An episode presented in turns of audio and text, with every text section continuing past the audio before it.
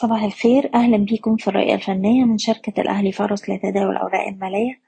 ستة ديسمبر ألفين تلاتة وعشرين. في جلسة امبارح المؤشر أغلق على انخفاض طفيف حوالي نص في المية عند مستوى الخمسة وعشرين ألف مية سبعة وعشرين نقطة وأحجام التداول امبارح كانت مرتفعة نسبيا. امبارح كان في محاولة للتجربة على مستوى المقاومة الخمسة وعشرين ألف وربعمية لكن القوى الشرائية ما قدرتش تتجاوز المستوى ده الأعلى وبدأت تتراجع منه.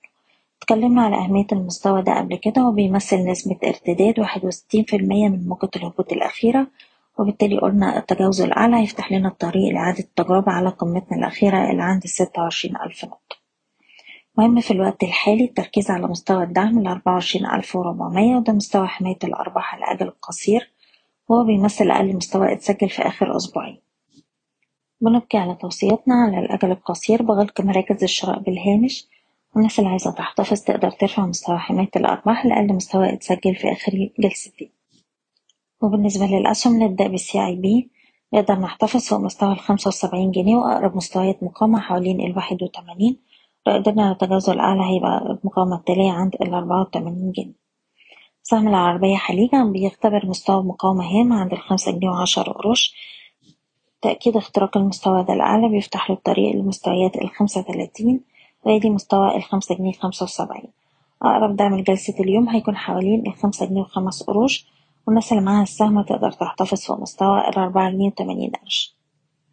المطورون العرب مازال بيستهدف مستوى الجنيه وعشر قروش وتأكيد اختراق المستوى ده هتبقى إشارة جديدة تفتح لنا الطريق لجنيه عشرين وجنيه تلاتين وأقرب دعم هيكون حوالين الجنيه وتلات قروش. وبالنسبة لسهم ليفت سلاب شايفينه بيستهدف مستويات التلاتين قرش والاتنين وتلاتين قرش.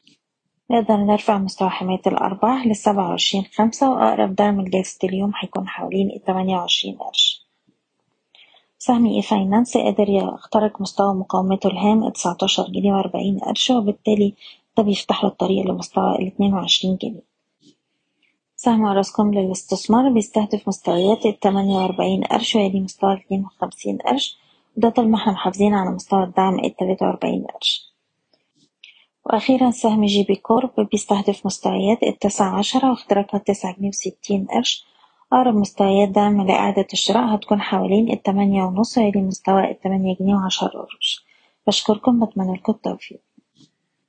إيضاح الشركة غير مسؤولة عن أي قرارات استثمارية تم اتخاذها بناء على هذا التسجيل.